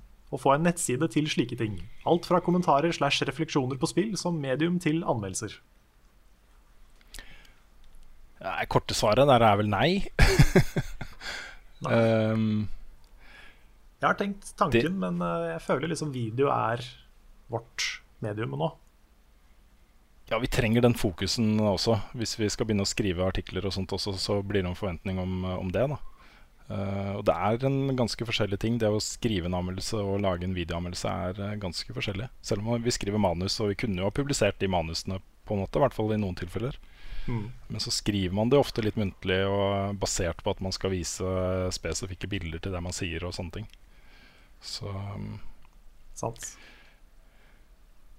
Det tar jo så sånn utgangspunktet nei, men kanskje en blogg eller et eller annet hvor vi kunne bare kommet med refleksjoner og tanker og eh, jeg vet ikke, noe sånt. Ja, det tar jo, det tar jo en god del eh, mer tid å lage en videoanmeldelse enn det tar å lage en tekstanmeldelse. Mm. For du har jo eh, en voice session og mange timer i et klippeprogram foran deg når du lager video. Men eh, jeg føler at det er verdt det. da Jeg syns videoanmeldelser er et så bra Jeg er så fan av det som medium sjøl, Mm. så jeg føler at det liksom er verdt å fokusere på det. da Mm. Selv om jeg også er glad i tekst, egentlig. Så har man jo sett det også på eh, skriftlige medier, eh, at eh, mange har opplevd en nedgang i interessen for tekst. At folk liksom skummer det teksten, og så ser på karakteren, og så kommer det med en eller annen sur kommentar uten å ha lest, ja, lest teksten. det er mye scrolling ned til score. ja, ikke sant? Ja, det er jo samme som det er mange som kommenterer på ting før de har sett ferdig en video òg. Så Det er det. um, Denne overskriften likte jeg ikke. Det er eh, definitivt mye av det. fått en del av det når jeg liksom får, eh, får beskjed om at eh, Hvorfor nevner du ikke prisen i På hva disse appene koster og sånn? Og hvilken plattform det er til og sånn. Og jeg nevner det i hver eneste video. Da tenker jeg sånn Må du se hele, da? ja. Yes. Men ellers så er jo webside er jo en ting vi, eh, vi må få på plass. Så det, det kommer. Mm. Hmm. Uh, han har et spørsmål til til meg. Uh, hvilke Skal vi se Nå står det Itmes. Jeg vet ikke om det er Times eller Items. Det er kanskje Items, Items. sikkert. eh, var uunnværlige for deg i Zelda Breath of the Wild? Tips. Um, det ene er jo Master Sword. Det hjelper veldig på bosser. Så, så fort du har muligheten til å få Master Sword, så er det lurt å gå for det. Eh, ellers så Det å alltid ha masse piler syns jeg var, eh, var viktig. Det er så mye du kan gjøre med pil. Men også egentlig den derre magneten. Hva heter den igjen? Uh, husker jeg ikke i farta. Det er i hvert fall den magnetrunen, magnet-runen. Syns jeg var uh, dritpraktisk til mye. Og hvis i tilfelle du mente hvilke times, så, så må jeg trekke fram Eventide Island. Det er kanskje den kuleste Shrine Questen i hele spillet. Så den er eh, varmt anbefalt til alle som spiller Zelda, å oppleve den. Helt ned i hjørnet på kartet så finner du Eventide Island. Yes. Kult. Har vi noe, eh, noen flere spørsmål? Og Ja, Vi må ta ukens Sinfor i hvert fall. ja, det er ikke noe mer på Patreon? Uh, ja, vi kan ta en til, uh, en til her. Um, ta et par kjappe. Ja. Et fra Christian Granmo Franzén, som lurer på når annonseringen av neste Fyll eh, mitt hull kommer. Og Den ble lagt ut i dag, gjorde den ikke det? Eller var det i går? Eh, det var i går. Det var i går. Det ble først, Eh, først det kunngjort på onsdag. Ja, stemmer på streamen. Eh, og du skal nå spille ICO. Yes, Yes. det skal jeg. Det gleder jeg meg til. Ser det er mange i kommentarene som, eh, på YouTube også som gleder seg til å spille IKO for første gang. Så Så bra. Jeg synes det er, Mm. det er favorittingen min med den spalten. Altså. At folk slenger seg på og blir med på, blir med på spillet. helt enig. Det er eh, akkurat det jeg håpa kom til å skje da vi begynte. Mm. Så det er, eh, det er kjempebra. Takk til alle som eh, engasjerer seg på den måten. Det er kjempebra. Ja, og Grunnen til at det ble IKO er jo for det første at det er et spill du må spille, Carl. Mm. For det andre så er det også et eh, litt enklere spill å komme seg gjennom uh, enn det Bloodborne var. Uh, ikke fullt så altoppslukende. Så jeg hadde litt behov for å ta en litt uh, lite hvileskjær nå. Ja. Det er mulig du får en litt enklere fra meg neste gang også. OK. Bare så vi får dekka litt flere spill. Det var jo liksom Mm. Var det fem-seks uker med Bloodborne? Ja, det ble seks episoder, gjorde det ikke det? Jo. Eller var det fem? Jeg husker ikke. Jo, det var, det var nok seks, tror jeg. ja. Så ja, kanskje litt, litt kortere serier nå framover, og så, en, eh, så slenger, vi, slenger vi ut en lang en etter hvert. Mm. Ja, vi kan jo ta ukens uh, Scene 4. Let's do it. Oi, det var høyt. Håper ikke det sprengte, sprengte høyttalerne til folk. Ukens Scene 4. Hvis Super Nintendo Mini Classic blir en realitet nå som NES Classic blir borte, hvilke tre spill hver ville dere tatt med i denne herligheten? Jeg håper den kommer også. Den gjør nok det, tror du ikke? Jo, jeg vil tro det. Um, selv vil jeg gjerne se Super Metroid.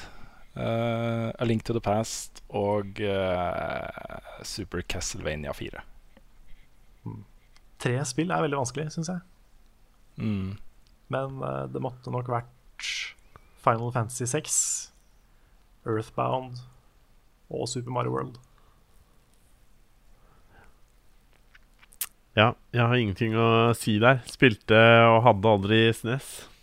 Har ikke du spilt en del Megaman og sånn?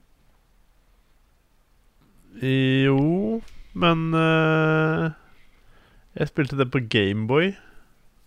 Ja, OK. Um, jeg har aldri spilt på SNES. Da må vi kjøpe en minisnes til deg, Lars. Men det er, altså, jeg har Ja, jeg har veldig lyst på den. For det er, det der det er um, Hva heter han derre Yoshi? Yoshi's Han- han- Island eller noe sånt. Ja. tror jeg har um, Yoshi's Island er på SNES. mm, Det har vært borti um, Ja. Jeg tipper vel det er eh, en sånn uh, sjuin for, for den. Mm. At alle, alle de store Mario-spillene blir vel sannsynligvis med. Ja. Helt, helt sikkert litt Zelda, helt sikkert uh, kanskje mer tvilsomt med sånn som Earthbound og Final Fantasy. Ting som er litt lenger unna. Ja. Ja, skal vi se uh, Skumme gjennom litt spørsmål her. Finne noe som ikke vi har svart på før. Hvis dere har noe, så er det bare å Ja, nei, jeg så det var noen som spurte om etere, men det har vi jo dekka og snakket om allerede. Um, og så var det en som hadde spørsmål, så jeg til uh, um, Det er Bjørnar König Havnen. Havnen. Jeg lurer på om det er noen tips til en som akkurat har starta på Watchdogs 2. Jeg vet ikke om han har noen lure tips akkurat, men uh, ja. Nei. Kos deg! Det, ja, rett og slett. Bare kos deg. Og uh, Nei, det er ikke så veldig sånn uh, Det er jo en open øh, world-ting. Um, eneste jeg kanskje ville gjort, er også fokusert på å ta eh, side missions, som er overraskende bra laget også i eh, Watch 2. Veldig mange har en sånn tendens til å enten Enten skal de kom eller være sånn completionist og gjøre alt, eller så hopper de over det. Eh, Jeg har en litt sånn tendens til å hoppe over side missions uh, sjøl, men eh, ja. De er veldig bra, så få med deg de. Oi, oi, kan jeg bare komme med en liten announcement her nå? Oi, det kan. Ja. Jeg fikk mail nå om at jeg har fått tilgang til Quake Champions-testen. Oi, oi, oi. Og så neste som står, er at du får ikke lov å si noe om dette her før om to uker. Ja, skal vi se. Nå leser jeg nede her um, eh, Nei, det står ikke noe om at jeg ikke får lov til å si at jeg har fått tilgang. Da, Men det er en embargo her. ja, ok, da er vi sannsynligvis safe. Mm. Eh, Jeg kan ta et veldig kjapt spørsmål fra Daniel Stærfelt Schreiber. Han sier spørsmål til Carl. Hva, eh, skal vi se, hva gleder du deg mest til med Kingdom Hearts 3? Og hva syns du om den siste HD-remaken av 1,5 og 2,5 til PS4? Kingdom Hearts 3 så er det først og fremst hele spillet. Det er bare alt. Jeg gleder meg til eh, et nytt Kingdom Hearts. Det er kjempelenge siden det har kommet et helt uh, spill som har vært på konsoll, og som har vært nytt og moderne. Så det er hele pakka. Men uh, grunnen til at jeg hadde lyst til å svare på det, er fordi jeg har begynt å spille Kingdom Hearts 1 med Kristine. Og du har ikke hørt banning før du har hørt Kristine mot Cerberus i Kingdom Hearts 1. Det er, uh, det er nesten skummelt. Men det er morsomt. Jeg tror hun syns det er semigøy. Det er jo et spill som ikke har holdt seg kjempebra. Men uh, det er jo fortsatt veldig koselig. Hun er veldig engasjert i uh, 101 Dalmatiner-questen. Så uh, jeg tror, jeg tror det er innafor. Ja. Jeg husker den fighten, fighten der sjøl. Da han med tre hoder, ikke sant? Ja, Mm. det stemmer. En av de vanskeligste første bossene i spillet. Men ja, Du, jeg kom på en morsom ting som jeg bare må si her. Fordi jeg har hjulpet um, um, Ei venninne av meg har um, begynt å starte nettbutikk. Og så skulle jeg hjelpe henne med å ringe um, Eller å snakke med den nettbutikken om noe ting og tang. Eller de som leverer det konseptet. da Og når jeg satt på vente sånn ringer, og så blir du sittende på vent ikke sant, før de svarer. Så spilte de musikken til uh, Monkey Island e eller Ja, om det var én eller to, husker jeg ikke. Men det var uh, De spilte musikken til Monkey Island. Oi. Og det husker jeg Det bare d- Ja, det er veldig kult, for det er veldig spesiell ting å spille som ventemusikk. Det er Ja. Så eh, flere bør egentlig bare putte sånn musikk inn i vente... Ja. Ventelista si. Um, ja. jeg hadde et sånt øyeblikk på folkehøyskolen, når de plutselig begynte å spille vals eh, under skoleballet fra Final Fantasy 8. Oi. Sånn, Oi, plutselig så var det Final Fantasy 8-soundtracket. Det var Ja. stas. ja, det er kult. Sikkert bare fordi de hadde googla vals og fått opp det soundtracket, men eh, det var gøy for det. Mm. Vi kan ta et uh, siste spørsmål. Uh, litt sånn uh, på grensen til alvorlige, alvorlige spørsmål, kanskje, fra uh, Sean Bergane. Mulig jeg sa det navnet feil. Har dere noen gang brukt spill som smertestillende i livets kjipe perioder? Ja. Ja, Ja. det tror jeg, tror jeg kanskje det beste jeg har gjort. Det er jo en, spill er jo veldig bra escapism også. Mm, det er det. Så det er en fin, eh, fin distraksjon fra ting når, det, når ting er kjipt. Så absolutt. Jeg har også opplevd litt det motsatte. At øh, øh, hvis man har da et spill som, man, øh, som er en liksom, integrert del av det man gjør på fritida, og så har man det kjipt, og så sette seg ned og kose seg med det spillet, blir ofte liksom, kan bli litt vanskelig. da Ja, sånn, ja. Eh, at uh, ting i virkeligheten overskygger på en måte det du opplever i spillet. Uh, men det tror jeg bare gjelder hvis du spiller et spill som World of Warcraft, eller et spill som du har spilt mye, da. Um, ja, jeg har i hvert fall opplevd det noen ganger. Ja, Nei, når du sier det, så det er liksom Det har hendt at hvis jeg har vært i dårlig humør og spilt noe for å komme i bedre humør, så har det liksom ikke funka. Det er bare endt Mhm. opp med liksom sitte og nå sitter jeg sur mens jeg spiller isteden. Men eh, nei. Jeg vet ikke. Jeg tror eh, for veldig mange så er sikkert Eller så er spill en eh, veldig fin måte å få tankene over på andre ting på. Mm. Det er jeg helt overbevist om. Yes. Var det, var det siste spørsmål? Skal vi runde av? Ja, det var en som Jostein Krogerud spurte om vi kommer til å anmelde The Surge. Hint riktig svar begynner med J. Um, Da kan vi svare 'jeg tror ikke det'. Jo da, vi skal gjøre det. um, jeg kjenner ikke til det spillet. Jeg Er regner med at enten Svendsen eller jeg kommer til å ta det. det Ja, du, nå, nå har jo jeg meldt meg på ja, det har du. det kjøret Det der, da. Kanskje, du- kanskje du også vil ta det.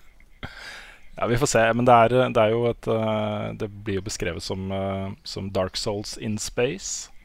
Ja, eller i Ah. hvert fall sci-fi Dark Souls. Ja. Du eh, har De har sluppet noen litt sånn lengre gameplay-videoer. Og når du ser de fightene der, så er det jo veldig sammenlignbart med det man finner i, i Bloodborne og Dark Souls. Um, med fiender som er tanker som du må slåss med lenge. Du må være veldig forsiktig med eh, Altså De gjør massiv damage, og du gir kanskje ikke så mye damage. Mm. Og du må dodge og kontre og vente på riktig øyeblikk og slå til på og sånne ting. Akkurat. Mm. Ja. Ja, det forrige spillet deres eh, var jo Lords of the Fallen. Som Stemmer. også var veldig likt Dark Souls. Det kom jeg ikke helt inn i. Det var noe som mangla der. Så jeg håper at de har uh, heva nivået litt til The Search. Mm. Jeg syns det så kjempekult ut, så eh, jeg har eh, i hvert fall lyst til å teste det. Absolutt. Yes. Har dere noe siste dere vil eh, trekke fram, eller skal vi runde av? Ja, vet ikke om vi skal ta noe, ta noe mer. Det er jo et par spørsmål til her, da. Men okay. um, Ja, du kan bare kjøre på hvis det er noe du Ja. vil svare på. Fredrik eh, Stordal um, spør hvilke forandringer vi håper Bungie gjør med Destiny 2. Ehm, ja, dette er jo en ting jeg tenker ganske mye på her uh, nå om dagen. Um, jeg vet ikke. Også Det aller viktigste for meg Jeg tenkte på det tidligst i dag tidlig. Det aller viktigste for meg er um, at de uh, At de nailer uh, gunplay og combat og kampscenarioer. Det er liksom det aller viktigste. Det er det jeg liker best med Destiny. eh, og det er det som de gjør bedre enn alle andre, uh, i mine øyne. Så De må naile den. Den der følelsen av å få et våpen som er skikkelig bra, som du føles godt, og som du blir glad i å bruke. da Og som du kan bruke til liksom alle typer situasjoner. Mm. Uh, det, det må de bare naile. Det er ikke bare tvil om at de nailer. Nei, ikke sant. Ellers håper jeg bare på at de, de uh, eh, Kanskje introduserer litt nye mekanikker i raids og sånne ting. At man eh, Ja. får liksom helt friske opplevelser der. Da. At det er helt nye ting. Gi meg en god story. Gi meg litt innhold som ikke blir uh, altfor lett å gå igjennom. Uh, sånn at man har litt å jobbe med og har litt å gjøre. Mm. Ja. Ja, en bra story, en bra Quest. Mm. Det, det ønsker jeg meg veldig også. Tror jeg har eh, nevnt det før, men, men ja. En bra story er at de putter Lauren inn i sjølve spillet også. Mm. Det håper jeg det gjør. Og at de liksom Mer customization. Ja. Helmetless. og, at de, eh, og at de har en stemning da, som matcher litt det de har i trailerne nå. Mm. Fordi eh, Destiny Year One var jo hadde jo nesten ikke humor. Men det er altså, det Mye ufrivillig humor, da. Mye ufrivillig humor, det var det. Men det kler Ja. spillet så mye bedre hvis det er litt uh, uhøytidelig. da. Helt enig. Så jeg håper at de liksom både kjører på med en bra historie, men også liksom la være å ta seg for alvorlig. Mm.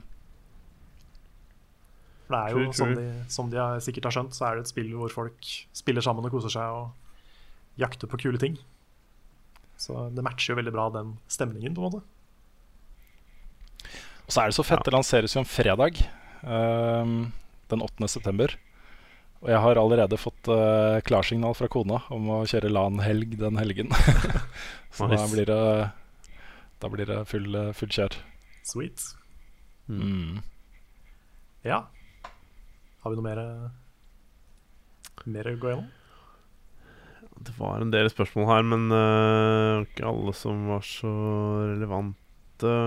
Um, nei, ser vel ganske um, Jeg syns bare det er morsomt at uh, Med tanke på det bildet som vi brukte til eh, posten på Facebook Der Ralf William Nummelin sier Er, dette, er det bildet et hint om at Bloodborne er ræva? Det der er jo ikke en rumpe, det er jo to fingre. Det Det, to ser jo alle. Ja, ja, ja. Mm. Mm. Jeg vil, da vil jeg anbefale at du ser Film i tull Bloodborne hvis du vil vite hva vi syns om, eh, om Bloodborne. Du har sikkert gjort det. Det var sikkert bare en, en spøk. Jeg vil anta det. Men uh, vi, har, vi har varme følelser om det spillet. Det tror, jeg, det tror jeg de fleste har fått med seg. Sånn egentlig. Jepp. Det har vi ikke holdt kjeft om de siste ukene, så det Ja. Skal vi, skal vi takke for oss her? Det kan vi godt.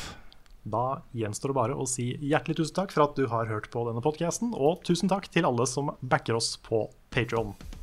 Det er som alltid dere som lar oss gjøre dette her. Og det syns vi er gøy, og det vil vi fortsette med. Og derfor så er vi veldig glad i dere som gjør det. Da avslutter vi med ukas spillsitat. Let's not do that today.